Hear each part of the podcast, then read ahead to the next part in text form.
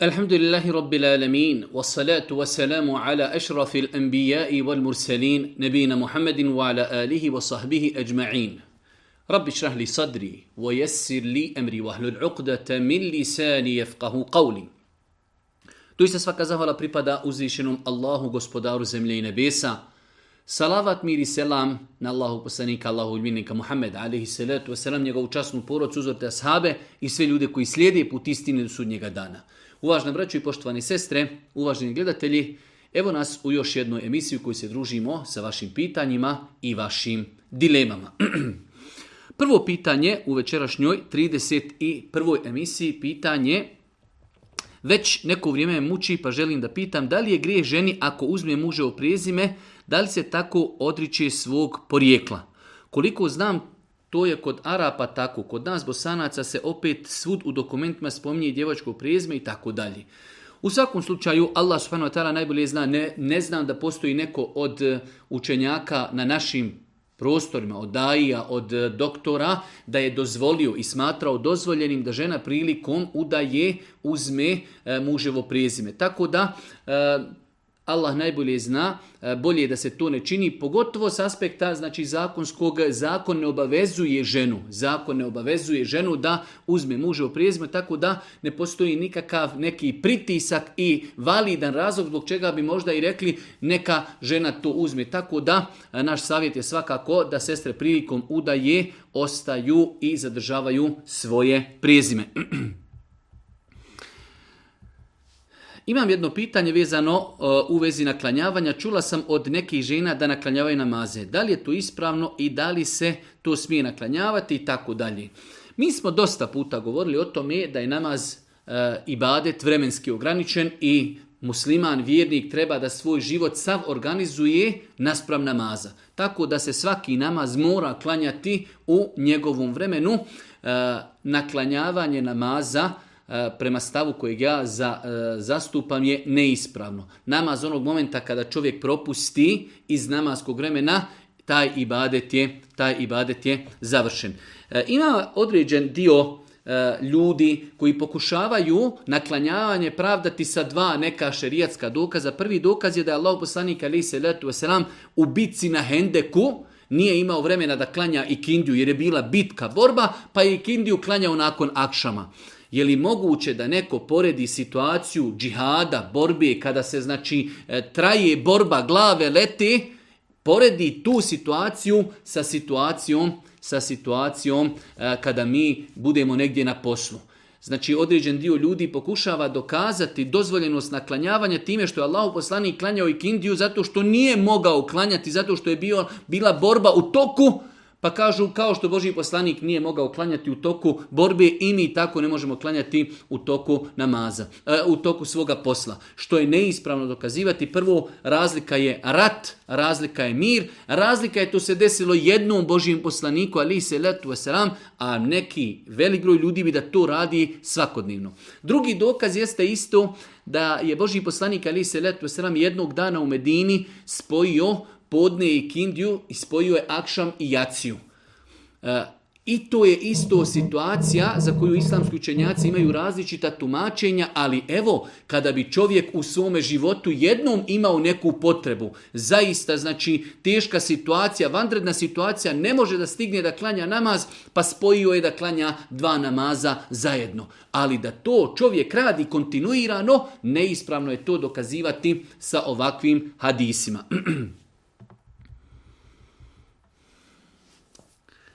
Ako poslodavac ne dopušta obavljanje namaza u formi, da li isti namaz možemo naknaditi kada dođemo kući? Rekli smo znači da se čovjek treba maksimalno potruditi da namaz obavlja u njegovom namaskom vremenu, treba tražiti saglasnost od e, poslodavca. Na kraju krajeva ako bi zaista došao u situaciju da mu ne dozvoljavaju da klanja, onda da se potrudi da traži drugo radno mjesto. da li je lijepo i dozvoljeno dati ime djetetu Said. Said. Nema ništa, smije, e, nema ništa inšala sporno niti loše da čovjek djetetu da ime Said.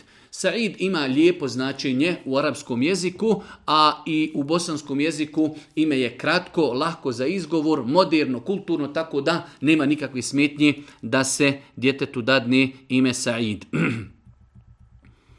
Selam, jedno pitanje, zašto je u Bibliji zabranjeno jesti meso deve i zeca? Levitski zakon, naravno, i svinjetina je zabranjena u Bibliji, ali ovo oko devije baš se razilazi od Kur'ana. Hvala. E, zašto je nešto zabranjeno u Bibliji? Prva stvar, e, mi smo više puta spominjali e, da je Kur'an derogirao sve prijethodne poslanice. Tako da i ako bi našli da nešto u nekim prijašnjim nebeskim knjigama koji su objavljeni poslanicima se razlikuju od onoga, od onoga čime je došao e, islam, mi uzimamo ono što se nalazi, nalazi u islamu, u Kur'anu, sunetu Božih poslanika, ali se letu selam, nema nikakve sumnje da je devino meso u islamu dopušteno, dozvoljeno, konzumirao ga je Božih poslanika ali se letu selam, tako da nema nikakve smetnje, da ne ulazimo u detalje, da se veoma lako može desiti e, u Bibliji da postoje određene stvari koje su iskrivljene, dopisane od ljudi koji su iskrivljene, tako da ne želeći da ulazimo u tu temu, e, e, najkraći odgovor je kada god dođemo u koliziju da imamo određen propis koji se spominje u prethodnim e, nebeskim knjigama, a drugačije se spominje u Kur'anu, mi uzimamo ono što je spomenuto u Kur'anu zato što je Islam generalno, Kur'an kao poslanica, sunet Božijeg poslanika derogirao sve prethodne propise. Završio sam srednju školu za akušerstvo, asistent tokom poroda. Kako sam ušao dublje u vjeru, počelo me je mučiti pitanje da li je muslimanu dopušteno baviti se akušerstvom, asistencijom tokom poroda. Muškarac je završio smjer gdje je asistent prilikom poroda. Svakako mi svi znamo da prilikom poroda ženi moraju biti otkriveni avreti, tako da u tom pogledu ta struka je eksplicitno vezana za žene. Znači, žene treba da studiraju e, tu struku i da žene porađaju žene, bez obzira kada je u pitanju avred prilikom poroda, na nižem stepenu je da avred gleda žena nego da to gleda muškarac. Tako da muškarci ne trebaju, ne trebaju da studiraju ovakve znanosti, to su znanosti koje treba da studiraju žene. S druge strane, kada je u pitanju ovaj insan, e, ono što bi insan mogao da, da po savjetu, ako je već insan napravio, da kažemo grešku, ako može e, da se prekvalifikuje da nešto što je slično tome, znači e, da li će to, e, ne znam kako bi da kažemo sad, ali prekvalifikacija u neki sličan smjer koji je dopušten da radi i muškarci. Poznato mi je, a vjerujem i velikom broju muslimana širom svijeta, da je crni petak za muslimane naziv koji E, ne bi trebali koristiti, pošto taj dan cijeli svijet na neki način obilježava nekako i tako dalje. U svakom slučaju, pitanje je da li musliman, e, da li je muslimanu dozvoljeno da kupuje artikle koji su sniženi povodom crnog petka takozvanog crnog petka, e, islamski učenjaci, iako se u datom momentu ne slažu da se taj petak tako naziva crni petak, jer je petak generalno gledajući najbolji dan u sedmici, ali ako već neko zbog nekog razloga sniži, snizi cijenu, zašto ne bi muslimani imali pravo da e, učestvuju u kupovini artikala koji su halali dopušteni po nekim snizenim, snizenim cijenama, tako da e, kažu islamski učenjaci da nema ništa sporno u tome da čovjek iskoristi priliku tih sniženja i neke artikle koji želi da kupi, koji su možda e, mimo te sezone skuplji, pa će taj dan biti na nekoj akciji sniženju, da ih tada kupi svakako pod uvjetom da su to halal artikli, tako da u govoru islamskog učenjaka, učenjaka nalazimo da nema inšala ništa smet, e, sporno u tome da se e, artikli kupuju na taj dan. Nedavno se pisali o psovanju Allaha. Valaha, Allahu ja to ne radim, niti bi ikad. Zanima me šta osoba koja to čuje od nekoga, kako reagirati. Nekoliko puta smo odgovarali, to je veliki problem našeg društva da jednostavno veoma često čovjek koji živi s narodom čuje da neko nekada namjerno, a nekada je to jednostavno govorna mahana i govorna navika da ljudi psuju Boga, psuju Allaha. E, psovati Allaha te ta'ala je jedan od najvećih grijeha koje čovjek može uraditi na ku Islamski učenjaci imaju jednoglasan stav da čovjek koji opsuje Allaha izlazi iz vjeri. Počinio je dijelo koje izvodi iz vjeri, kako da reaguje neko e, u situaciji ako to čuje, opet shodno e, vremenu, prostoru, mogućnosti, nije isto da to čovjek čuje od nekoga u svojoj kući, od članova svoje porodice, od članova svoje rodbine ili da čuje negdje e, na javnom mjestu ili u kafani ili u firmi i tako dalje. Ono što insan znači ako može, ako može reagirat će, upozorit će, savjetovat će, kazat će. Ako ne može, ako ocjeni da, da nije u stanju da to uradi, onda će to to minimalno, kao što je došlo na vjerodostojnom hadisu, prezirati takvo djelo i takvu psovku svojim srcem. Selam alaikum, molio bih vas da mi odgovorite da li ima neka dova koju je lijepo proučiti za dušu umrlih na arapskom ili ako može na našim. Kada su u pitanju dove, e, dosta puta ljudi postavljaju pitanja šta možemo doviti za naše umrli. Čovjek može za svoga umrlog doviti na svom maternjem jeziku, gospodaru, oprosti mojim roditeljima, e, proširi im kabur, osvjetlim, kabur, podigni im deređe, e, primi njihova dobra djela. Eto, to je nešto što bi mi trebali za naše dove da, mrtvim, da, da dovimo za naše mrtvi. Da im Allah oprosti grijehe, da im u kabuli dobra djela, da im podari džennet, da ih sačuva kaburskog zaba, da im proširi kabur, da im osvjetli kabur. Pomenu su to neke najbitnije stvari od kojih e, mogu naši mrtvi imati koristi.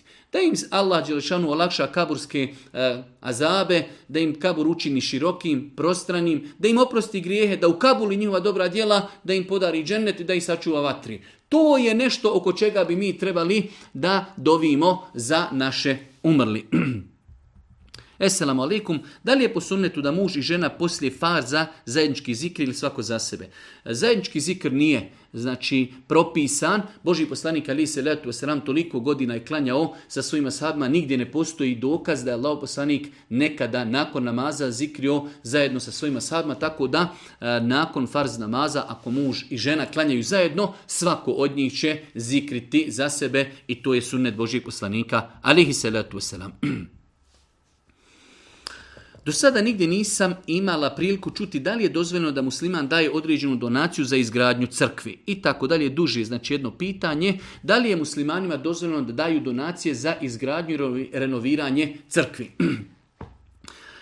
Kada je u pitanju pomaganje nemuslimana u smislu socijalno pomaganje, da pomognemo čovjeka zbog siromaštva, ili je zadesila ga neka nedaća, musibet za operaciju, ili su pretrpjeli određene štete, poplave i tako dalje, svakako da je lijepo i pohvalno se čovjek solidariši sa ljudima iz svoga podneblja u smislu njihovih problema čovjek da udjeli nemuslimanu sadaku, e, da mu pomogne i tako dalje. Sve je tu u islamu dozvoljno. Kada je u pitanju doniranje novca za izgradnju crkve ili renoviranje crkve, tu u islamu nije dozvoljeno. Zašto?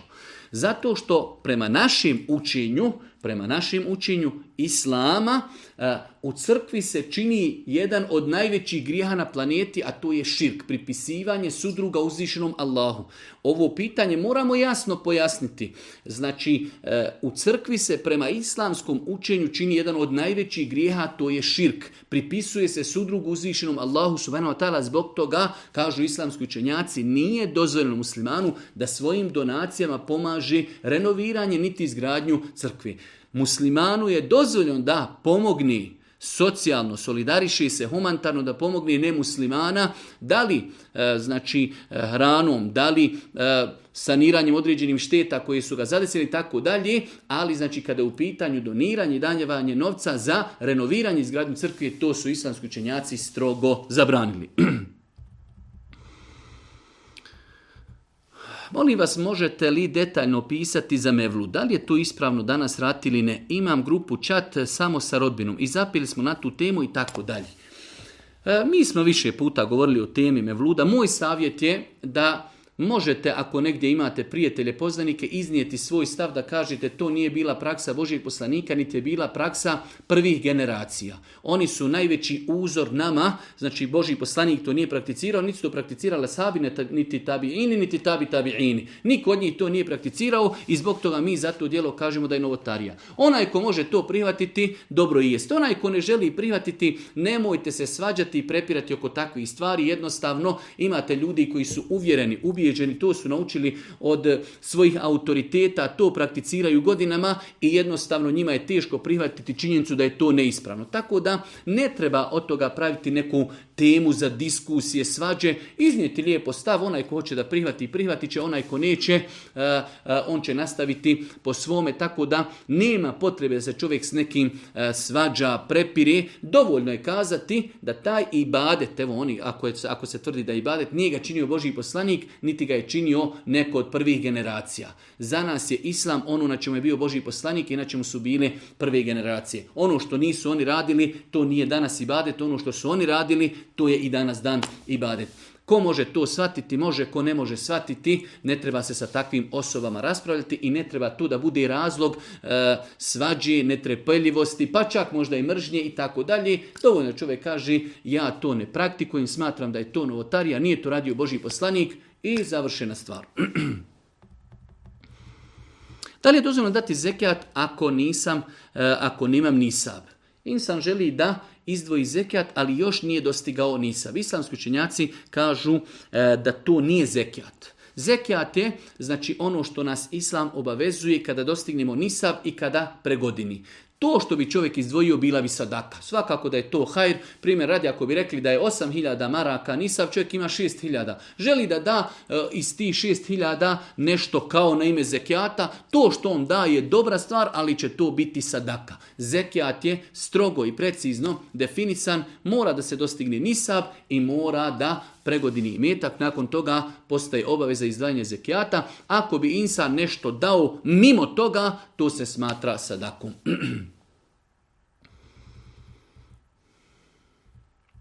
Opet pitanja oko namaza. Htjela bih pitati, radim jednu sedmicu prva, a jednu druga smjena, pošto nemam mogućnost da klanjam na poslu. Kad dođem kući obavim sve namaze što sam izostavila i tako dalje. Naš je savjet da se maksimalno osobe potrude da nađu mogućnost da na poslu klanjaju, makar se radilo samo da se klanjaju farzi, za klanjanje farza maza dovoljno je 5 do 7 minuta, znači čovjek da bude pod abdestom, nađe sebi neko mjesto, klanja farze. E, svakako rekli smo da smo stava da čovjek ako propusti namaz iz namaskog vremena, da u islamu ne postoji nešto što se zove naklanjavanje. Imamo jedno duže pitanje, desilo se nešto ružno i baš mi je teško zbog toga. Uglavnom, osoba je iz nehotice išla u rikvert sa autom i udarila mačku, od čega je mačka znači, e, uginula ili krepala i tako dalje. E, pitanje je da li je zbog toga griješna. Inače, mi kao narod imamo doista, ja se sjećam e, iz djetinstva, imamo baš problema kada su u pitanju konkretno životinja mačka i ne daj Bože da čovjek bude razlogom da ubije nehotice i mačku. E, ljudi smatraju da je to jedan ogroman grijeh i da čovjek čitavim životom nosi neku, e, neku nedaću u svom životu zbog toga što je nehotice ubio mačku. Svakako znamo da islam i kako mnogo pažnje posvećuje životinjama i pravama, pravima životinja. Boži poslanik je strogo zabranio žena koja je zatvorila mačku i nije davala hranu, Boži poslanik joj je zaprijetio džehennemom.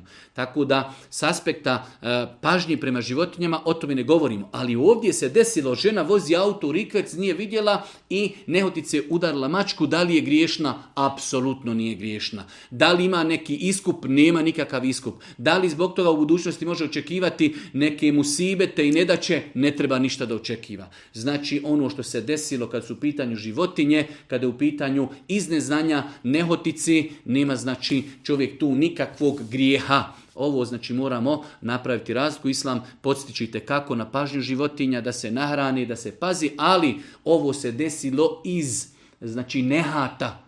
Tako da osoba nije griješna, apsolutno nema nikakvog iskupa i ne treba da strahuje da će je zbog toga zadesiti nekim musibeti u životu. Suprug ja praktikujem vjeru, alhamdulillah, naš brak je stabilan. Ne živimo skupa sa njegovim roditeljima, ali kada dođemo u posjetu, moja sekvara se miješa u naš brak toliko da želi znati sve što se dešava u našem braku, do te mjere da mi postavlja intimna pitanja i tako dalje. Savjet naš je da žena i čovjek kada stupe u brak, oni u pogledu ophođenja prema ženinim roditeljima i muževim roditeljima trebaju da budu jedan tim zajednički, gdje će praviti strategiju. Nerijetko se dešava da roditelji ili ženini ili muže, muževi roditelji želi da malo znaju stvari, tako da ne treba od toga praviti e, toliku hampu. Znači ako čovjek i žena su se našli žive, odvojeno, vole se, imaju lije brak, eto tu je jedan veliki problem što njegovi roditelji žele da nešto znaju. Oni ako nastupaju zajedno, da će im malo zajednički neke informacija na koje se dogovori, nešto će prešutjeti, malo će osaburati, ne žive zajedno sa njima, tako da veoma je bitno samo da supružnici međusobno imaju strategiju, da nastupaju kao tim, da kažu vidi jeste, evo tvoji se malo interesuju, daj malo im nešto kaži, nešto im prešuti, nešto ćemo osaburit i to je to, bitno nam je kada se vratimo svoje kući da živimo zajedno, da imamo strategiju, da se volimo, da pazimo i tako dalje. Tako da E, kada su u pitanju znači e, odnosi prema roditeljima, ako čovjek nije to prerezao i ako roditelji imaju takvu naviku da se u datom momentu malo interesu šta se sve dešava, znači da im određene stvari malo i kaže to, u planu smo to, želimo to, svakako da im da do znanja da imaju crvene linije e, dokle mogu da dođu i tu staje. Znači određene stvari treba dati na lijep i kulturan način, ako je u pitanju muž, on treba svojim roditeljima kaži, vidite, Allah vas nagradio, to su pitanja o kojima vam ne mogu govoriti, to je nešto interno. A isto tako i žena treba da kaže svojim roditeljima, kaže svome otcu, svoje majci, vidite, Allah vas nagradio, ovo imamo u planu to, bili smo tu, idemo tu, ali ovo su neka pitanja oko kojih ne možemo razgovarati i tako dalje. Tako da, znači, to je ta neka strategija kako se mogu rješavati takvi problemi.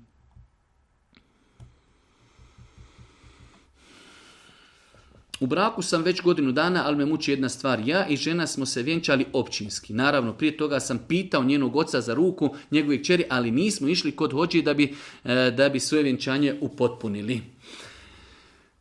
Problem je kada ljudi dođu i pitaju oca za ruku kćeri i on to dozvoli i to smatraju kao vjenčanje. Nije to vjenčanje u islamu, tako da znači obaveza je da dođe do šerijetskog vjenčanja. Sama činca da čovjek kaže dobro u rijedu, ja sam saglasan za brak, to nije dovoljno kao vid vjenčanja. Tako da osobe koje nisu to uradile trebaju da se šerijatski vjenčaju. Trebaju da se šerijatski vjenčaju. E, nije dovoljno, znači čovjek može danas kazati, biti nešto raspoložen i kaže vidite dozvaljam ja brak. Sutra odi pita komšiju nešto za tog svog budućeg zeta i kaže 1, 2, 3, 4, 5 neki negativnih sobina, Sutra dođeš kod njega kaže vidi promijenio sam mišljenje, ne dam ruku svojeg čeri za tebe i tako dalje. Tako da ta saglasnost jest pokazatelj njegovog zadovoljstva, ali sve dok ne dođe do šerijatskog vjenčanja, nije to dovoljno, treba šerijatsko vjenčanje, da znači da dođe do momenta da neko ko vodi šerijatsko vjenčanje, u većini slučajeva sto efendije, znači da pita jasno čovjeka, jesi li ti saglasan da se tvoja čirka ta i ta uda za tog i tog, jesam. Čirku da pita ti i ti, gospođo, jesi ti spremna e, da prihvatiš tog, tog čovjeka za svog muža, jesam. E, muž obrati kaže, jesi, je li ti prihvataš tu i tu ženu koja je čerka tog i tog za svoju e, suprugu? Prihvatam. To je saglasnost i to je šerijatsko vjenčanje. Ali sama činjenica da čovjek kaže u redu, evo, nemam ja ništa sporno da se vi uzmete, to nije dovoljno. To nije dovoljno, nažalost, veoma često se zna desiti da ljudi smatraju da je to dovoljno za šerijatsko vjenčanje. Naime, radim kao njegovateljica mlađoj ženskoj osobi sa invaliditetom.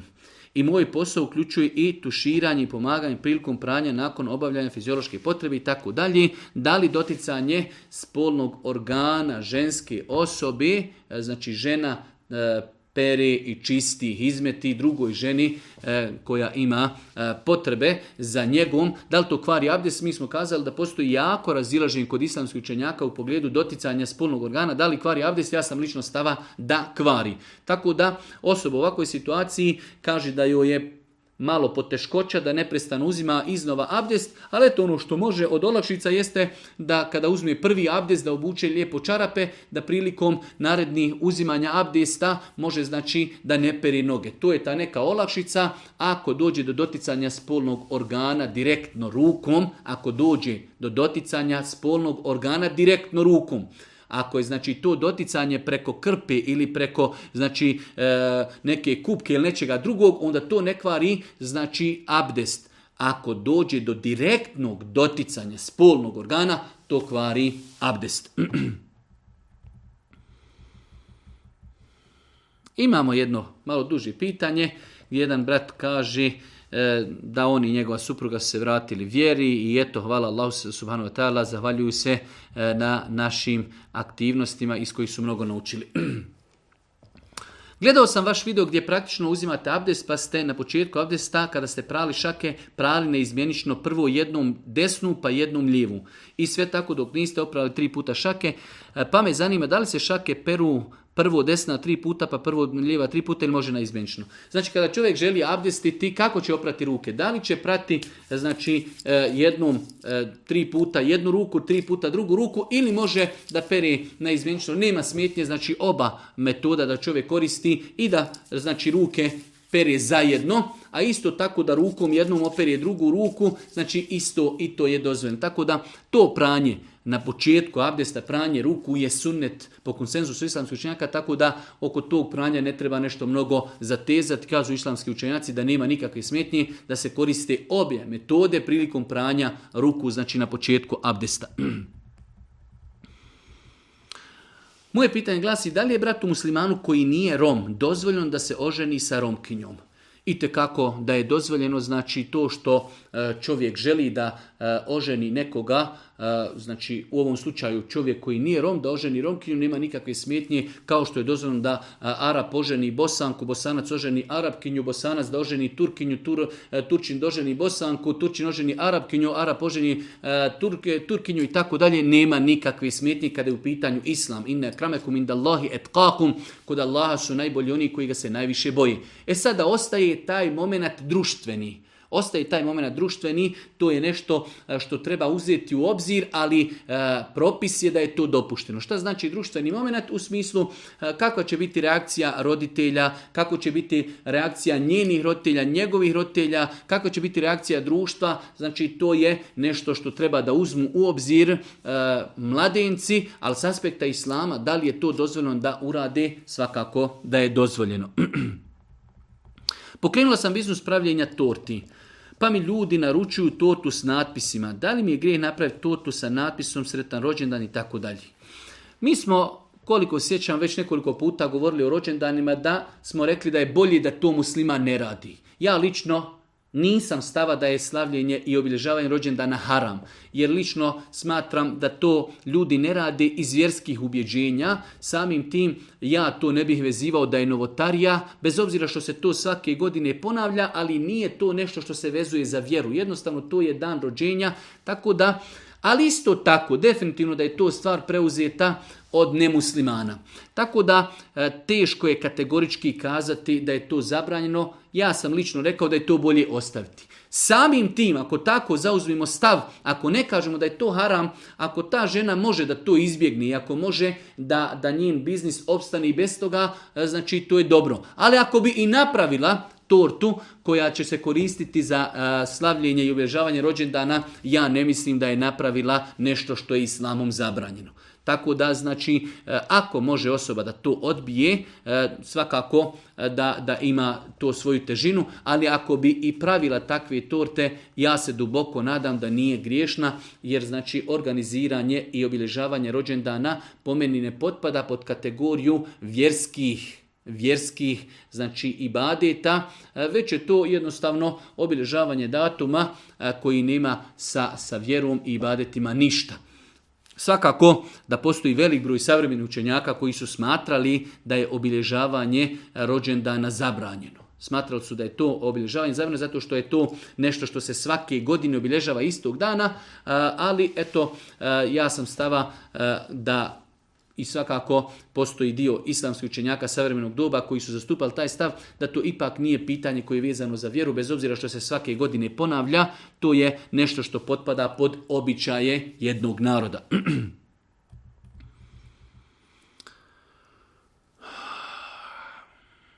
Počeo sam vratiti u firmi koja se bavi dostavom paketa.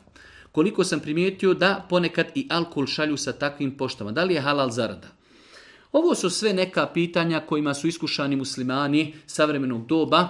E, ja neću dati jasan odgovor, ali ono što se može kazati definitivno da je osnova takvog posla halal. Znači imamo osnove. Nije isto raditi u kladionci koja je u osnovi haram, jer klađenje je kompletno haram, pa osoba koja radi u kladionci radi apsolutno nešto što je haram. Ili neko radi, prodaje samo alkohol. To je osnova tog posla je haram. Ili neko e, radi u banci koja je sva zasnovana na kamatnom sistemu. Ali razlika kada čovjek radi u pošti i dostavlja i njegova e, pošta koju dostavlja možda 98% su to dozvoljene stvari, a možda 2% budu u stvari koji su sporne šerijetom.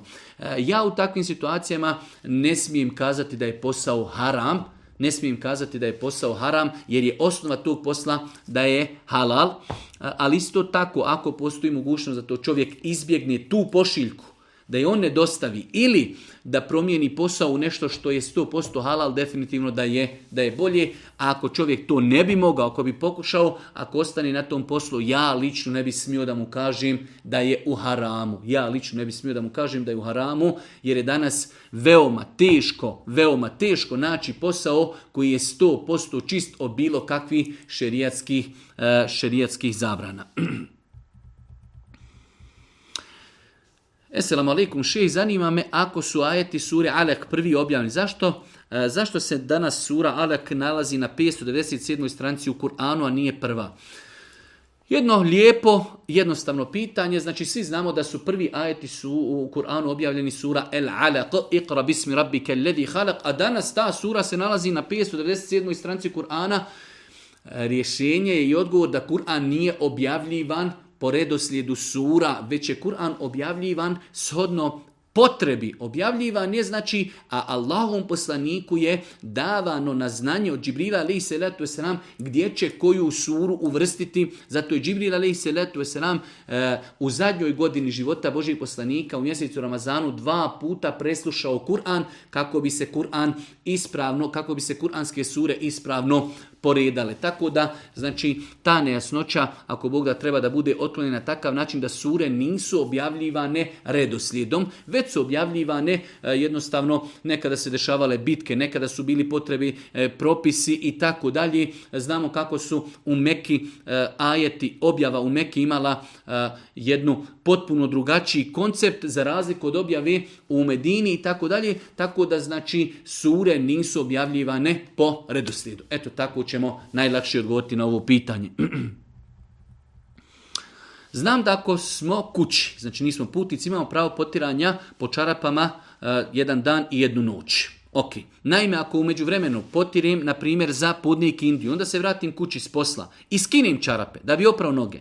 Da li nakon toga, poslije uzimanja abdesta, obujem druge čarape, možemo ponovo potirati? Svakako da. Malo mi je čak bilo i nejasno šta je ovdje Problem. Znači čovjek kreni na posao, obuče abdesti, obuče čarape.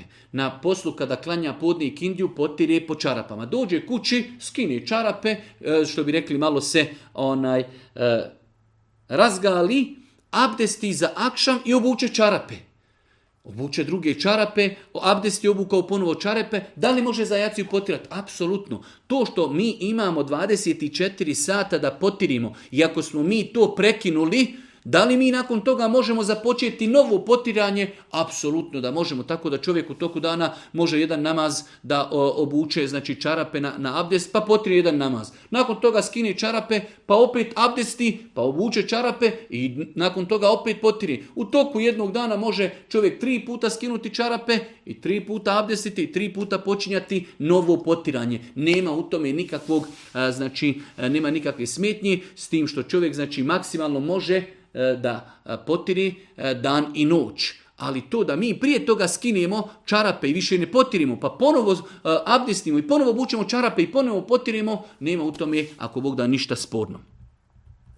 Možete li nam objasniti, možete li nam objasniti razliku između hađa i umri? Razlika između hađa i umrije se može gledati iz dva aspekta, s aspekta propisa i s aspekta e, načina obavljanja ibadeta. Kada je u pitanju hađ i umra, e, većina islamskih učenjaka za umru kaže da je jednom u životu sunneti lijep obaviti umru, a dio učenjaka je smatrao da je jednom u životu vađib obaveza obaviti umru. za razliku od hađa, hađ je temelj, rukn islama, osoba ako je zdravstveno u mogućnosti, materijalno u mogućnosti i put do hađa je siguran, njemu je rukn, obaveza obaviti hađ. Tako da je hađ na jednom s aspekta propisa mnogo većim stepenu obaveznosti od umri. Prema mišljenju učenjaka koji su rekli da je umra vađib jednom u životu, znači, a većina učenjaka je kazala da je umra sunnet. Tako da s aspekta propisa hađ je na jednom mnogo, mnogo višljem nivou od umri. To je s aspekta propisa. S aspekta načina obavljanja umra je mnogo jednostavnija. Čovjek ako ide, primjer radi, iz Medine na umru prema Meki, zaustavit će se kada iziđe iz Medine, ima mjesto koji se zove Mikat, tu će se zaustaviti, obući hrame, doći u Meku, obaviti sedam krugova oko Kjabi, klanjati dva rekiata, obaviti sedam krugova između Safe i Merve, ošišati kosu ili skratiti i time je umra završena. Znači umra ima puno manje propisa. Dolazimo na mikat, oblačimo i hrame, ulazimo u Meku, dolazimo kod Kjabi, obavljamo sedam krugova oko Kjabi, nakon toga dva rekjata, nakon toga nakon toga idemo od Safe do Merve sedam krugova, nakon toga ili šišanje, ili kraćenje, eh, ili brijanje kose, ili kraćenje kose i time smo završili umru. Svako ima mnogo tu neki sunneta manje bitnih stvari, ali ovo su neke krucijalne najbitnije stvari za umru. Za razliku od hađa, za razliku od hađa, znači eh, ibadet hađa je mnogo duži, čovjek ima cijeli dan boravi, e, znači deveti dan Zulhidžeta boravi na Refatu, nakon toga naveće boravi na Muzdelifi, nakon toga sutra dan kolje kurban, baca kamenčiće, ima hađijski tavaf, nakon toga tri dana boravi e, na mini, baca kamenčiće, nakon toga oprosni tavaf, znači e, propisi hađa traju otprilike 4-5 dana, u svakom danu imamo određene ibadete, počinje se sa Arefatu, Arefatom, pa se e, boravi na, mini, na, na Muzdelifi se noćava, pa se onda ide e, ponovo na Minu. E, to je taj dan kada se obavlja, kurba, obavlja se hađijski tavaf, kolje se kurban, nakon toga se tri dana boravi na Mini, bacaju se kamenčići, nakon toga oprosni tavaf. Tako da je hađ znači traji 4-5 dana, ima različite, različite ibadete u toku hađa, za razliku od umrije koja znači je mnogo kraća. Nadam se to da smo e, u nekim najosnovnim, najkraćim crtama pojasnili šta znači umra, šta znači hađ. da li kvari abdest ako promijeni našoj bebi e, pampers? E, ako žena prilikom mijenjanja pampersa dotakni spolni organ djeteta, obavezuje, ako ga direktno dotakni rukom, obavezuje da promijeni abdest, odnosno izgubila je time abdest. Ako se desi da, rekli smo, doticanje analnog otvora ili čmara, e, bez obzira, znači da li se radilo o djetetu ili da čovjek kod sebe dotakne taj dio tijela, e, time ne kvari se abdest. Znači, kvarenje, e, gubljenje abdesta je eksplicitno vezano za direktno doticanje spolnog organa. Direktno rukom, bez ikakvog zastora, doticanje spolnog organa kvari abdest. Da li postoji neke dove ili nešto slično protiv straha? Imam jake strahove i napade e, panike da će mi se boli ispogoršati. E, dosta puta mi tražimo ima li kakva dova. E, sve što je nama potrebno sami treba da dovimo i tražimo od gospodara na svom jeziku maternjim. Ako čovjek ima strahove da moli Allah, ja rab, sačuvaj me od ovog mog musibeta, olakšaj moje strahove, umanji moje strahove, daj mi sigurnost, učvrsti me, pomozi me, otkloni od mene bolest i tako dalje. Znači čovjek treba da se opusti u dovi i da od gospodara traži ono što mu je potrebno, znači svojim riječima na svom maternjem jeziku. da li je dozvoljno sjetiti se roditeljima dok piju alkohol? Boži poslanik na hadisu kaže ko vjeruje Allaha i sudnji dan neka ne sjedi za trpezom na kojoj se pije alkohol. Tako da čovjek znači treba da se e, Sklone, ako već roditelji konzumiraju alkohol, da ode u drugu prostoriju, da ode i prošetati i tako dalje. Znači, nije dozvoljeno da čovjek sjedi za istim stolom za kojim se pije alkohol.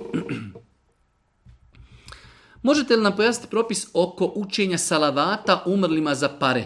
deset konvertibilnih maraka. I propis sali. Ne znam da li sam ovo ispravno napisao, petkom pred džumu. Nikada nisam čuo da neko uči salavate za umrli za pare, ali u svakom slučaju ako to negdje postoji, to je neispravno. Znači, e, salavati su poseban ibadet kojeg mi trebamo činiti i znači e, time željeti Allahu subhanahu zadovoljstvo, ali da to neko čini salavate za pare, za nekog umrlog, to zaista nisam nikada čuo. E, postoji učenje Kur'ana za mrtve i to je znači učenje Kur'ana za pare je neispravno. Mi možemo za svoga mrtvog proučiti nešto od Kur'ana i pokloniti e, nagradu toga svome mejitu i mrtvom, ali učenje salavata za pare za mejita to nikada nisam čuo, ali ako negdje ima to je neispravno. Zanima me propis upotrebe srđadi. Da li je to sunnet, haram ili farz? Korištenje prostirke srđade prilikom obavljanja namaza je dopuštena stvar. Dopuštena stvar, dozvoljena stvar. E, znači e, da čovjek ako želi da klanja, da stavi sebi e, znači takozvanu pastekiju ili srđadu, nema u tome ništa sporno. Osim imamo nekoliko stvari koje treba paziti, a to je da na toj seđadi ne budu nikakve slike koje će čovjeku odvraćati pažnju od namaza. To je jedna stvar. Druga stvar, E, da čovjek ne smatra da je namaz mimo seđade neispravan ili manje vrijedan. Imate ljudi koji ne bi klanjao nikako bez neke znači pasteke ili seđade što je neispravno. Možemo klanjati i na zemlji, možemo klanjati na tepihu ako je čisto nije obaveza da imamo seđadu. Određen broj ljudi smatra se ne može klanjati namaz osim na seđadi, pa ćete vidjeti nekada odete kod nekog ugoste, soba čista se, čekaj, čekaj, čekaj, evo ide seđada, mora seđada. Nije obaveza. Nije. I to je čak šta više neispravno ubjeđenje. Čovjek može klanjati i na zemlji, i na asfaltu, i na daski, i može klanjati, znači nema nikakve smetnje, nije obaveza da klanjamo namaz sa seđadom.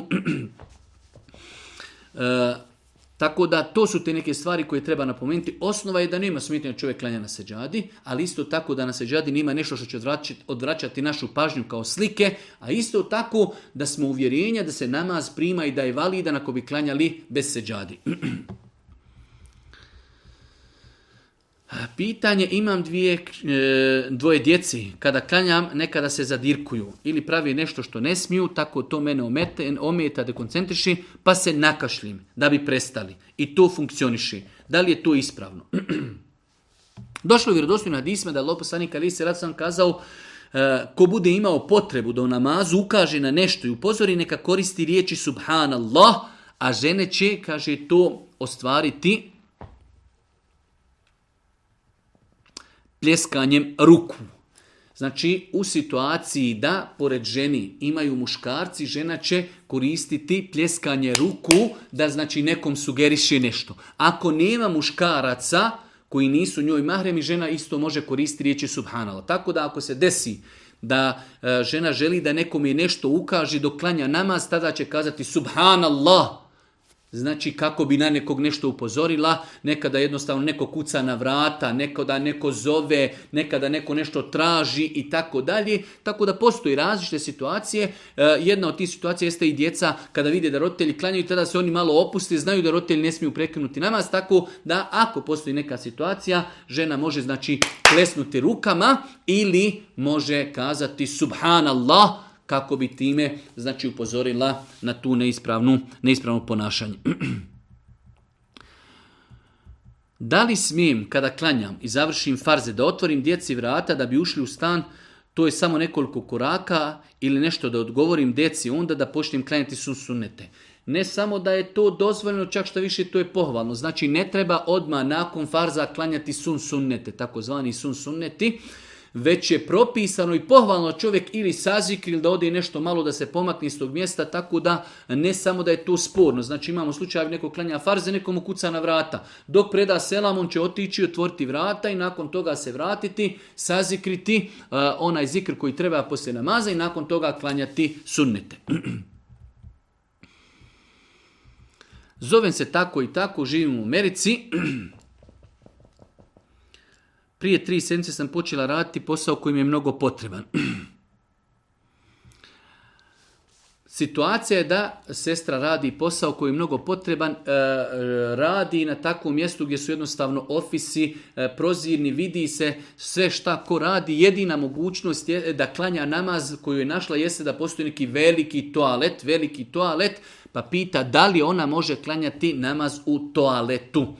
Islamski učenjaci su kazali da je namaz obavljen u velikom toaletu, znači da ne mora čovjek klanjati odmah pored vice i šulje, kao što je spomenuto u ovom pitanju, znači to se radi o velikom toaletu, da čovjek ode u jedan čošak toaleta i tu klanja, njegov namaz je ispravan. Svakako ako čovjek može naći drugo mjesto da je to bolji, ali da li je namaz ispravan u toaletu koji je veliki, čovjek neće klanjati odmah pored e, WC i šulji, namaz je po e, većini islamskih učenjaka ispravan. Da, oni su kazali da je to mekru pokuđeno, ali ako dolazimo u situaciju da ćemo propustiti namaz, da li nam je prioritetni da klanjamo u velikom toaletu gdje ćemo mi zaključati vrata, abdestiti i klanjati ili da propustimo namaz, tada je mnogo manji problem da počinimo taj mekru što smo klanjali u velikom toaletu, odaljili se od WC šolje, nego da propustimo, ne daj Bože, Bože namaz, tako da namaz obavljen u velikom toaletu, daleko od WC šolje je validan i ispravan.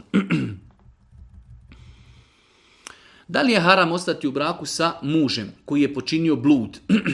Tvrdi da se pokaju dragom Allahu prestao s time, ali i dalje se kreće u istom krugu ljudi koji su loše društvo i viđa tu ženu jer radi zajedno.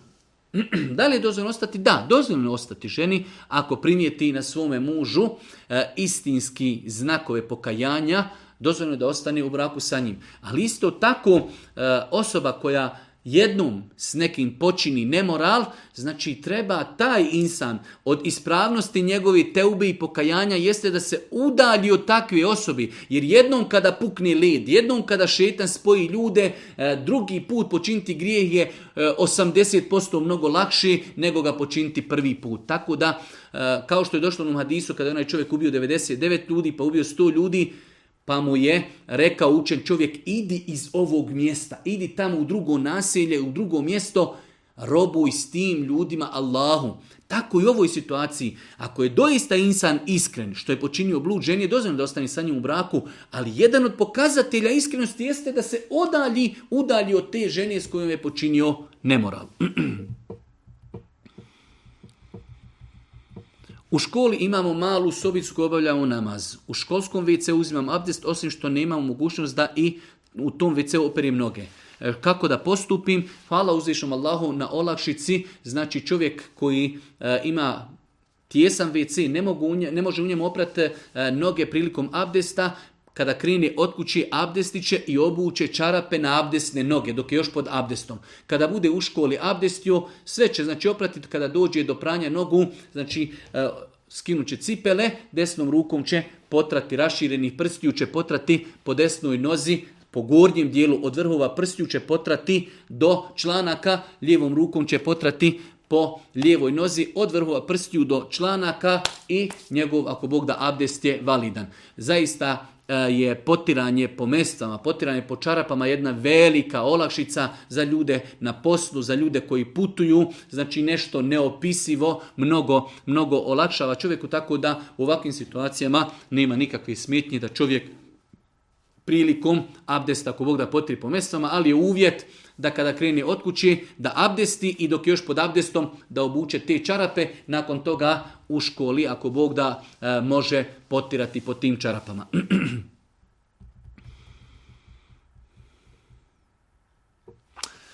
Opet pitanje oko e, sve krvi. Imala bi jednu molbu, za, udala sam se prije dvije godine i nosim se sa, ljubomorom moje svekre. Preselili smo se u Njemačku, ne živimo s njom, više. Došla nam je u posjetu, ali svaki dan traži neki novi način i tako dalje. Znači imamo sestru koja se udala prije dvije godine, otišla je živi u Njemačkoj, njena svekrva je došla u posjetu.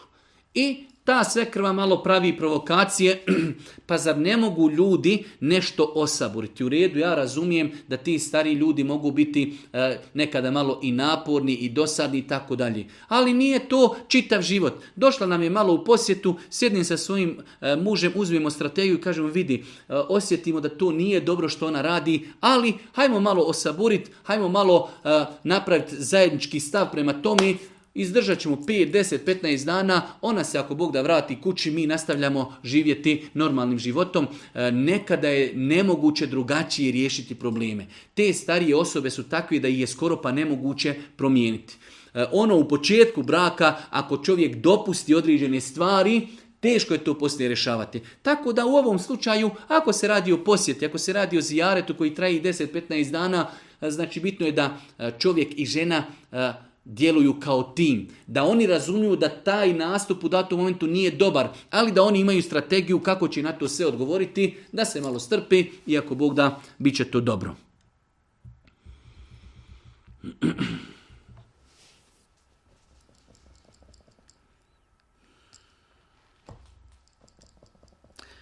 Problem u braku gdje muž mnogo konzumira alkohol i gdje mu, muž konzumira, e, znači svakako da su posljedice alkohola i laži i tuča i prevara i svašta nešto. Nakon toga se desi da e, s druga strana ohladi prema, e, prema svom supružniku do te mjeri da ne osjeti više nikakvu ljubav.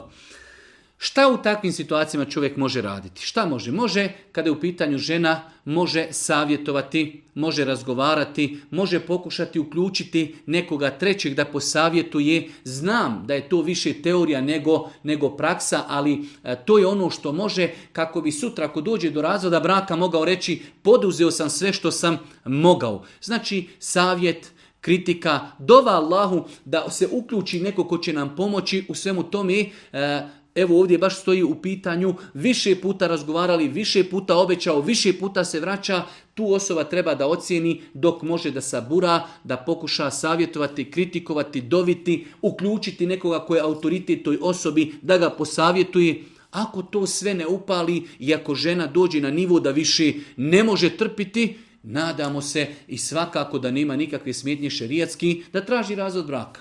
To je ono što mi možemo kazati znači, u sličnim situacijama.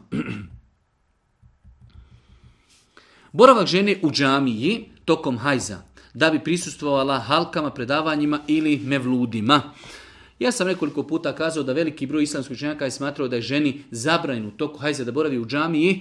E, ja lično sam to pitanje analizirao, studirao. E, ne postoji jasan dokaz koji strogo zabranjuje ženi boravak u džamiji ako žena zatim ima potrebu. Svakako da žena koja je u mjesečnici treba da se zaštiti, da bude sigurna, ne daj Bože, da neće e, krv nečista, znači proći kroz odjeću i u, onečistiti mesjid, ali onog momenta ako žena se zaštiti i ima potrebu da bude u džamiji kao što je predavanje, kao što je vjenčanje i tako dalje, halka, znači neka udruženje, nema smetnji. E, je ludu ne bi komentarisali zato što smo to već nekoliko puta e, obrađivali i govorili, ali znači pitanje da li žena u periodu mjesečnice može da uđe u džamiju i da prisustvuje e, nekoj potrebi, da li je to vjenčanje, da li predavanje, e, smatram inšala da žena koja ima potrebu ako se dobro zaštiti higijenskim ulošcima da nije griješna zbog toga.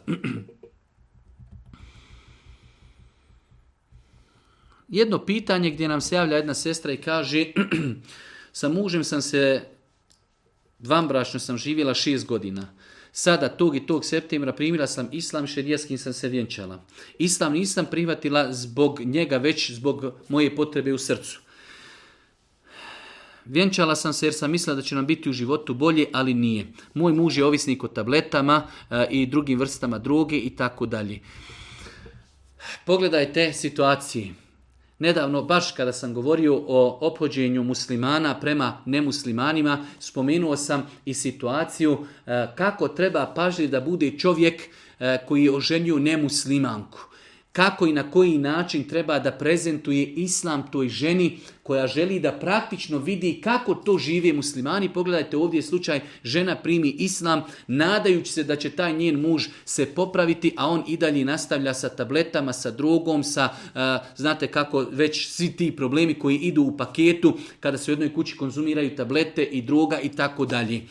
Pa onda ta žena, ona jadna, ne zna kuda će. Možda je primila islam, možda su se njeni odrekli nje, nema se kome vratiti, gdje će živjeti, mora s takvim e, insanom saburati i trpjeti. Pogledajte teških situacija kroz kakve ljudi prolazi, šta mi možemo savjetovati takvoj ženi? Treba takva žena ako može, kao što smo i malo prije savjetovali, razgovarati, savjetovati, voditi dijalog, e, uključiti nekoga drugog autoriteta tom čovjeku da ga posavjetuje, da ga pokritikuje. Znači, to je ono što može uraditi da sutra ako dođe do razvoda braka, ako kreni e, nekim drugim putem, da može sebi smirena srca reći poduzela sam sve ne ide, odlučila sam se za razvod braka, ako dođe do te situacije da ne može dalje, وَمَنْ يَتَّقِ اللَّهَ يَجْعَلْ لَهُ مَحْرَجَ Onaj ko se Allaha bude istinski bojao, Allah će mu podariti izlazi iz svake situacije. Tako da insan treba da se, znači da vjeruje Allaha, da se osloni na uzvišnog Allaha, da savjetuje, da kritikuje, da uključi nekoga ko će pomoći, ako vidi da to ne urađa plodom, da je situacija eh, iz dana u dan gora i teža od eh, tuči, od provokacije, od eh, nepostojanja ljubavi, šta preostaje osim razvod braka? Imam jedno specifično pitanje koji bi zikr, odnosno koji riječi dovu bi po vašem mišljenju bilo najljepše puti uzvišnom Allahu? Koje dove najljepše puti uzvišnom Allahu? Najbolje je da čovjek traži od gospodara dobro dunjalka i ahireta. Zato je došla ona dova Rabbena atina fi dunja hasene, fil ahireti hasene, wa nar, ja rab, podar nam dobro i dunjalka i ahireta. Zato je i najčešća dova bila božjih poslanika, gospodaru učvrsti moje srce u tvojoj vjeri. Pa znači čovjek treba da dovi od Allaha ono od čega će imati korist i na dunjaluku i na ahiretu. Ne isključuje to da mi dovimo i ono što imamo potrebu, ako smo bolesni ozdravljenje, ako investiramo da molimo Allaha da nam podari beričet i tako dalje. Ali čovjek treba da moli Allaha prvenstveno da ga učrsti na putu istini.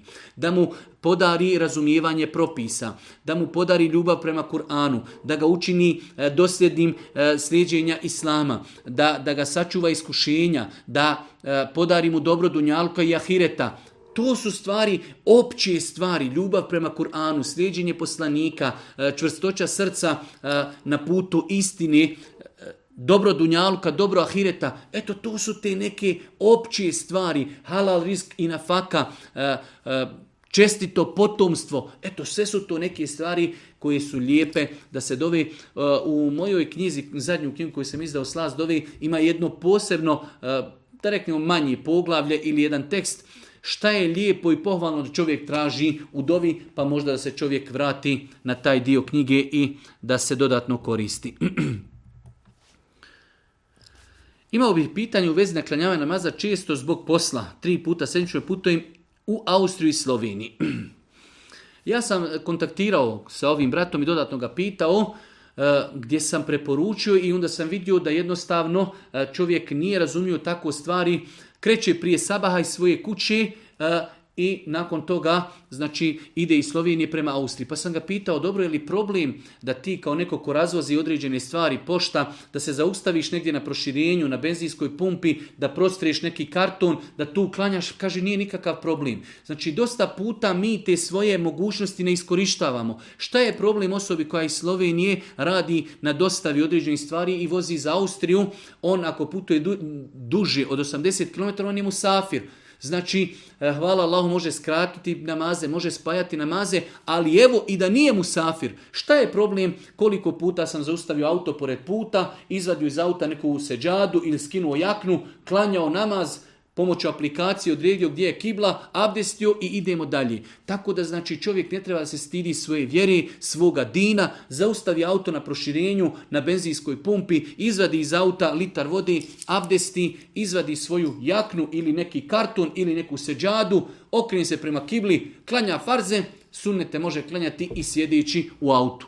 Tako da, znači, direktno sam kontaktirao s ovim bratom i dao sam mu pojašnjenje da kada je musafir može kratiti, spajati namaze, zaustaviti se pored puta, na proširenjima, na parkinzima, na benzinskoj pumpi, otići tamo gdje te niko i ne vidi, gdje te neće niko uznemiravati, okrenuti se prema kibli, abdestiti, klanjati farze i nastaviti sa nafakum. Ako možeš da mi kažeš kakav je propis izrade slika, znači da se izrađuju i printaju slike e, za novac koji su uslikane mobitelom.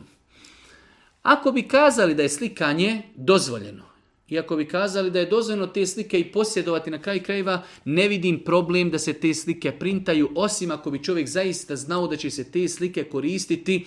Neko nam traži veliki format, želi da to stavi negdje na zid. Znači već stavljanje slika na zid je sporno. Ali da čovjek ima neku sliku koju je uslikao, da je drži u nekom albumu, u nekoj latici, e, to je danas skoro pa toliko nametnuta e, neizbježna stvar. Tako da Allah najbolje zna i printanje takvih stvari ne vidim da je sporno. Ne vidim da je sporno, osim u slučaju ako bi čovjek doista, ako bi čovjek doista znao da će neko printati veći format i želi da ga okači na zid, onda bi to moglo biti sporno. Da li se može reći da je došlo vrijeme deđala i da se njime može nazvati Elon Musk?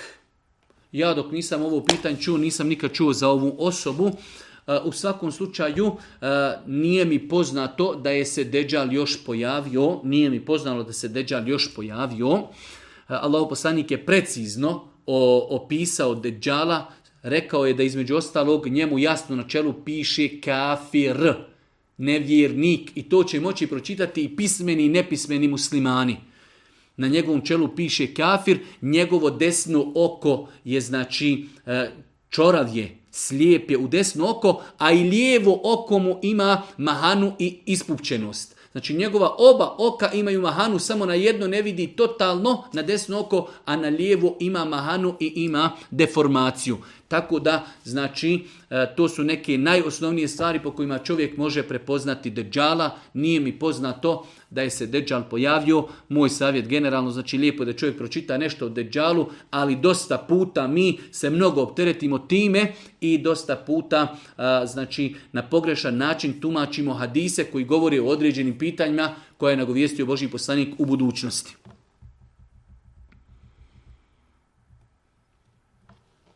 Da li je žen ići na groblje u toku hajza? Rekli smo da postoji rako razilaženje kod učenjaka da li žena može posjećivati mezarluke. Ja sam lično stava da žena može posjećivati mezarluke. E, ako kažemo da je ženi dozvoljeno da posjećuje mezarluke, onda je e, u svemu tome isto da li je žena u hajzu ili nije u hajzu, zato što hajz znači, sprečava ženu da obavlja namaz. Nema nikakve smetnje, znači da žena u toku mjesečnice posjeti mezarluke, da posjeti svoga, ako je preselio njen muž, njen otac, njen brat, ili da posjeti mezarluke, da prouči dovu za umrle osobe koje su zakopane u tim mezarlucima, Inšala biznila nema u tome ništa sporno, bez obzira da li bila u hajzu ili ne. Rekli smo samo da žena prilikom e, posjete e, mezarlucima treba paziti na svoje ponašanje, da je emocije ne ponesu, da ne počne vrištati, da ne počne e, proklinjati, da ne počne naricati i tako dalje, a u protivnom ako znači obavi posjetu mezarlucima na, na lijep, dostojanstven način, ako Bog da nije napravila nikakav prekršaj. Jedno poduže pitanje, generalno čovjek i žena žive zajedno, rade zajedno, imaju dobra primanja, žena je se udala nakon što je njena majka isfinansirala, dizala je dugove da bi finansirala svoju čerku. e sada ta njena kćer želi da joj na jedan način uzrati da pomogne u vraćanju dugova, a i da je u datom momentu finansira. Njen muž nije saglasan s tim zato što su njegovi imućni i nema potrebe da ih pomažu. E, pa je to po meni neispravan pristup, svakako da svaka stvar treba da bude pitanje dijaloga i razgovora, ali imamo i stvari koje su Precizirane islamom. Žena koja radi, to je njen imetak. Ima pravo da ga troši gdje hoće. Tako da i u ovom slučaju, pogotovo ako je majka, to jest njegova punica, ako je finansirala to dijete dok se školovalo, podizala dugove i dalje su ti dugovi prisutni. I sada se njena čirka zaposlila, navodi ovdje eh, da bi eh, svotu koju želi da da svojoj majci je dva odstu dva 2% samo i muž se protivi tome. Doista, doista se zna desiti da ljudi nekada znaju biti e, čudni, znaju biti umjesto da muž postiče svoju suprugu, pomozi svoju majku, ona je ta koja te školovala, ona se zadužila, treba da još daš i ja ću joj dati od sebe. Muž se ljuti zato što će žena dati svojoj majci, zato što ne daje svojima, kao oni, oni nemaju potrebi. Nekada doista znamo biti čudni, šerijatski znači žena koja radi, zarađuje novac, to je njen novac, ima pravo sa njim da radi šta želi. Svakako da treba e, pokušati udobrovoljiti tog svog muža da on to razumije. Nekada ljudi to, nažalost, mogu biti takvi da to i ne razumiju. S aspekta islama i šerijata to je dozvoljeno. Kako će to ova osoba izvesti i kako će udobrovoljiti svoga muža, to mi ne znamo.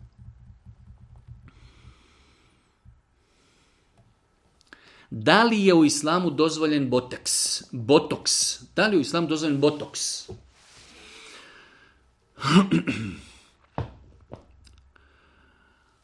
U svakom slučaju, savremeni život je ljudima donio dosta savremenih pitanja. Nerijetko nam se dešava da ljudi e, u nesvatanju zašto živi, ko su i šta su, posežu za stvarima koje su nekada isporne šerijatom, tako da ljudi su danas mnogo, mnogo pažnje posvećuju svom fizičkom izgledu, pa znači e, plastične operacije nos, uši, usta, grudi, mnogo, mnogo toga, e, znači kada su u pitanju te neke estetske operacije, sve je to zabranjeno osim u slučaju ako zatim postoji potreba. Nekada čovjek ima doista e, potrebu, nekada kao plod saobraćajne nesreći, nekada kao kao plod požara, izgorila je koža, deformila se lose lice, e, udar i tako dalje. U takvim slučajima je dozvoljno raditi e, znači estetske operacije kako bi se pokušao čovjekov izgled vratiti u neku normalu. Ili ako čovjek ima doista određene deformacije na tijelu e, zbog kojih je čudan u društvu, pa se nekada zaista zna desiti, ali to je velika rijetkost da čovjek ima doista velike klempave uši ili ima čovjek ogroman nos ili nešto slično tome, ali to su rijetke, rijetke situacije u kojima su islamski učenjaci dopuštali da čovjek e, znači, e, posegne za tim nekim operacijama kako bi jednostavno umanjio taj uticaj društva na njega ali da čovjek znači u ovom slučaju korištenje inekcija kako bi se e, umanjivale e, bore na tijelu, na licu konkretno, ako zatim znači ne postoji potreba, e, tjelesna potreba, Svakako svi starimo i normalno je da čovjek prilikom starenja lagano zadobiva bore, tako da znači e, čovjek vjernik ili žena vjernica ne treba da, poto, da poseže zatim, osim ako bi zatim doista postojala potreba ako bi zatim postojala potreba, a teško je pojasniti da e, i teško se naći u situaciji da čovjek e, može imati potrebu da uklanja bore sa svoga lica. Da li u islamu dozvoljena vještačka oplodnja? E, postoji pet situacija kako opcija u kojima nije dozvoljena vještačka oplodnja, ali nam je lakše spomenuti dvije opcije kada je dozvoljena vještačka oplodnja. Vještačka oplodnja je dozvoljena ako se radnji o oplodnji, e, kako smo to mi već naveli, da se uzme muževa sperma i izvan materice izvrši oplodnja jajnom ćelijom njegove supruge. Znači, sperma muža, jajna čelija ženi da se oplodi vanjskom oplodnjom i da se to nakon toga medicinskom metodom ubrizga u ženu. To je znači jedina stvar koja je dozvoljena i druga stvar da se znači da nekada jednostavno dolazak spermi e, do jajnih ćelija je e, težak ili spriječen pa e, medicinski da se uzme sperma od čovjeka i da se samo ubrizga, a da oplodnja sama se desi na prirodan način u maternici ženi To su dvije opcije koje su dozvoljene. Sve mimo toga je zabranjeno da se uzme sperma treće osobi, je zabranjeno da se da treća osoba kao surogat majka nosi mužu i ženi dijete, isto je zabranjeno. Znači, e, samo što je dozvoljeno u islamu jeste da se desi oplodnja između čovjekovi muževi spermi i jajni čelije njegove supruge i da ta ista njegova supruga nosi nosi taj plod, znači makar se desila oplodnja e, znači in e, vanjska ili to bila potpomaganje unutarnje oplodnji.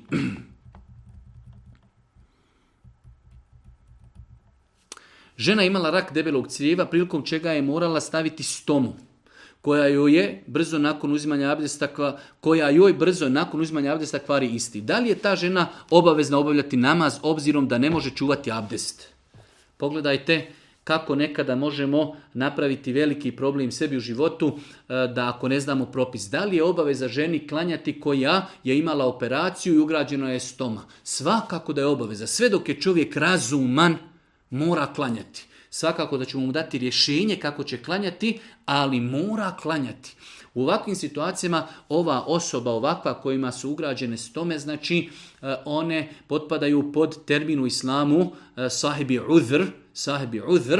E, tako da ako ima kontinuiran izlazak tečnosti iz strijeva u, u stomu koja je ugrađena osobi, tada će osoba kada nastupi namasko vrijeme, tada će uzeti abdest i klanjati bez obzira da li se šta desilo u namazu ili ne. Imaju određene osobe kao sahib uzor, a isto osobe koje imaju ugrađenu stomu da znaju da u određenom periodu e, iz crijeva iz e, organizma nešto izlazi, nakon toga e, saha tipo 2, 3, ništa više ne izlazi. Ako postoje takvi periodi, onda će osoba sačekati takav period, abdestiće i klanjat kako bi se desilo da je namaz otklanjala sa abdestom. I ovaj prvi namaz je sa abdestom, jer je to situacija kada osoba ne može kontrolirati svoj abdest. Imate osobe koje ne mogu kontrolirati vjetar, imate osobe koje ne mogu kontrolirati mokraću. Tako, u takvim situacijama učenjaci kažu osoba kada nastupi namasko vrijeme, ako može, znači ako su u pitanju znači, izlazak mokraći, osoba ili ako su u pitanju žene koji krvari, zaštitit će spolni organ od izlaska mokrači ili krvi, abdestit će i klanjaće će makar u namazu i osjetio isticanje mokraće ili krvi, i u ovom slučaju, znači, e, da čovjek osjeti izlazak određene stvari e, u stomu tokom namaza, njegov namaz je validan i ispravan. Ali smo rekli da postoje dvije opcije. Ako to izlazi kontinuirano, onda će odmah klanjati nakon nastupanja namaskog vremena. Ako postoje period kada to prestaje teći i isticati, onda će klanjati namaz u tom periodu. Zašto je muškarcima dozvan korištenje mirisa, a ženama nije? nije tačno. Dozvoljeno je ženama da koriste miris samo kada borave u kući. Znači, Islam je dozvolio ženi da koristi miris, samo je problem da žena koristi miris kada izlazi iz kući. Tako da konstatacija zašto je muškarcima dozvoljeno koristiti miris, a ženama nije, nije tačna konstatacija. Tačna je konstatacija, Islam je zabranio ženi da koristi miris prilikom izlaska iz kući. Zašto je to tako? Boži poslanik kaže u vjerodostojnom hadisu, e, nisam ostavio za svoj umet do sudnjeg dana teže iskušenje za muškarce od žena. Pa je žena jednostavno kada se na parfemiši više privlači i pogled više privlači muškarce, pa je zbog toga to ženama zabranjeno. Mi se trudimo da stanemo kod propisa. Boži poslanik Ali se o selamu vjerodostojnom hadisu to zabranio, mi se tu zaustavljamo i završena stvar. Šta je avred ženi pred ženom? avret, stidni dio tijela žene pred ženom kada je u pitanju e, teorija, jeste kao avret muškarca pred muškarcom, od pupka do koljena. To je nešto što je po džumhuru islamskih učenjaka avret, nešto što žena ne smije drugoj ženi pokazati, ali postoji nešto što se zove običaj E, nikada niste vidjeli kroz istoriju da žena e, sjedi pred ženama i ne daj Bože da je skinula, da je skinula e, ili da je skinula majicu. Znači, Allah najbolje zna, najispravnije mišljenje jeste da žena treba pred ženama u kući, da nosi ono što nosi e, znači, u običaju u svojoj kući pred muškarcima. Šta žena nosi pred svojim mužem? Šta nosi pred svojom djecom? Šta nosi pred svojim ocem? Šta nosi pred svojom e, e, amiđom i tako dalje? E takve stvari, svakako da će žena nositi majicu kratkih rukava, neku suknju ispod koljena i tako dalje. E takve stvari koje žena nosi, pred svojim ocem, pred svojom majkom, pred svojom djecom, takve stvari će nositi i pred ženama, ali ako postoji nekada potreba da žena e, nahrani svoju bebu ili nešto slično, to mi pa otkrije dio tijela zbog potrebe, tada kažemo avreti od pupka do koljena, ali generalno u životu žena pred ženama treba da nosi ono što nosi pred ostalim članovima svoje porodice. Zadnje pitanje, da li je dozvoljeno otkrivenu ženu šišati i praviti joj frizuru? Žena koja je otkrivena i tako izlazi napolje, ona samim tim čini grijeh. Svaki izlazak ženi iz kući bez mahrame je grijeh. E sada kada neko tu ženu dodatno uljepšava i frizira, da li on učestvuje u tom grijehu? Apsolutno da. Znači, e, e, kada je u pitanju friziranje, žena može frizirati žene koje nose mahramu. Ali frizirati žene koje ne nose mahramu je vid saučešća u njihovom, u njihovom grijehu. Allaha te barka tao, Allah molim da nas učiti na putu istine, da nam podari korisno znanje. Molim ga subhanahu ta'ala da nam bude milostiv na sudnjem danu na kraju subhanike Allahumma da bihamdike. Ešhedu in la ilaha ilan stakfiruke wa etubu ilaik. Ah.